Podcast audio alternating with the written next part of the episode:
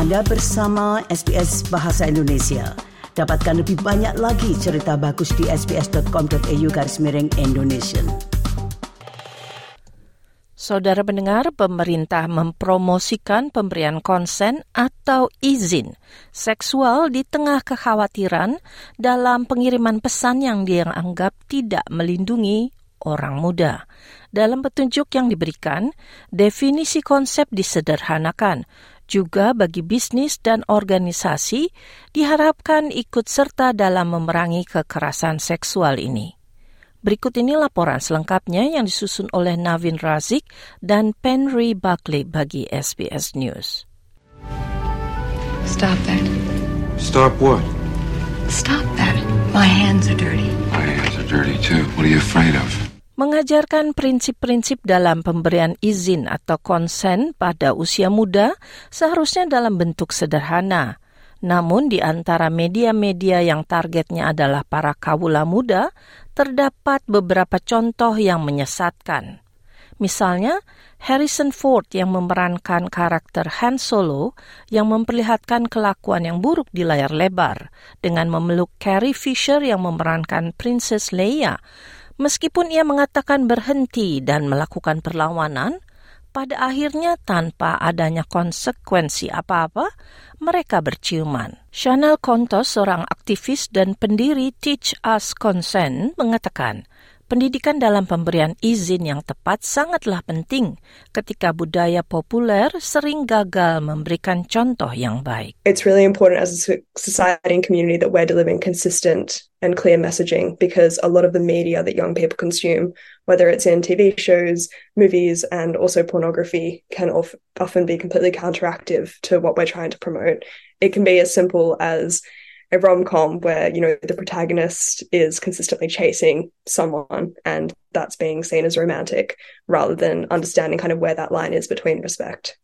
Dalam pesan tersebut pentingnya pemberian izin ditekankan, pemerintah menerapkan sebuah kerangka pemberian izin, lima poin sederhana definisi konsen seksual. Dalam definisi ini, konsen harus bebas dan sukarela, spesifik dan diberitahukan, disetujui dan dibicarakan, dan berlanjut serta disepakati dua belah pihak. Juga harus mempertimbangkan kemampuan komunikasi yang dapat terhalang oleh umur, tingkat kesadaran, dan juga pengertian. Menteri Federal Pelayanan Sosial Amanda Risworth mengatakan, kerangka ini akan dimasukkan ke dalam semua kebijakan pemerintah federal dan program khusus yang ditujukan bagi para kaum muda, dibentuk dan diberikan ke semua organisasi di Australia. The research does show that uh, uh, not having a clear understanding of consent can really uh, lead to misinterpretation and indeed exacerbate sexual violence. Diperkirakan satu dari lima wanita dan satu dari enam belas pria mengalami kekerasan seksual sejak usia 15 tahun. Bagi wanita sering terjadi kekerasan ini yang dilakukan oleh mantan partner atau pasangan mereka saat itu. Risworth mengatakan kerangka ini penting untuk membantu mengurangi tingkat kekerasan berdasarkan gender.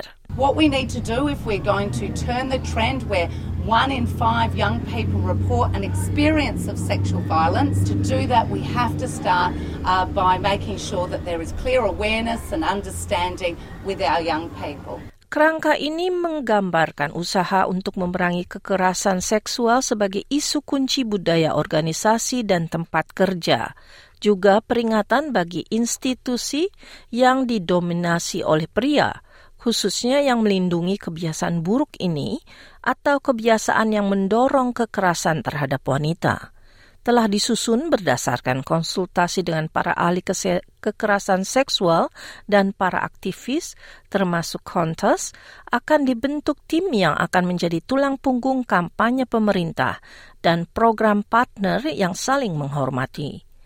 Pemerintah berharap menghindari kesalahan masa lalu dalam pendekatan isu ini seperti iklan milkshake yang diluncurkan oleh Commonwealth dalam tahun 2021 dianggap membingungkan dengan pemberian izin seperti berbagi minuman milkshake. But what happens when one person takes action without an agreement?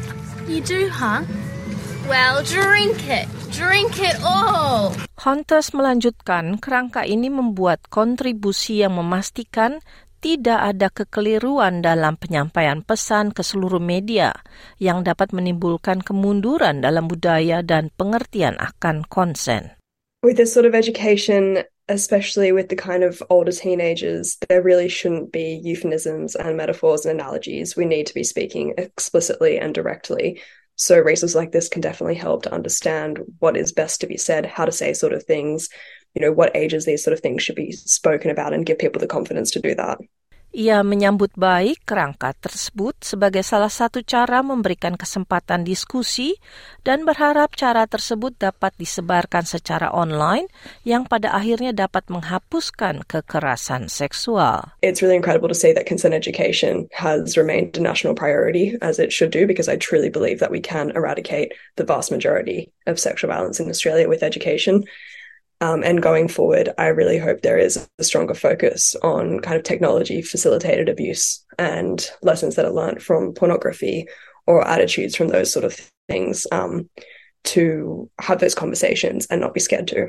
Apabila Anda atau orang yang Anda kenal ingin membicarakan masalah serangan seksual atau perundungan atau kekerasan dalam keluarga, Anda dapat menelpon 1800 737 732 atau kunjungi situs www.180respect.org.au.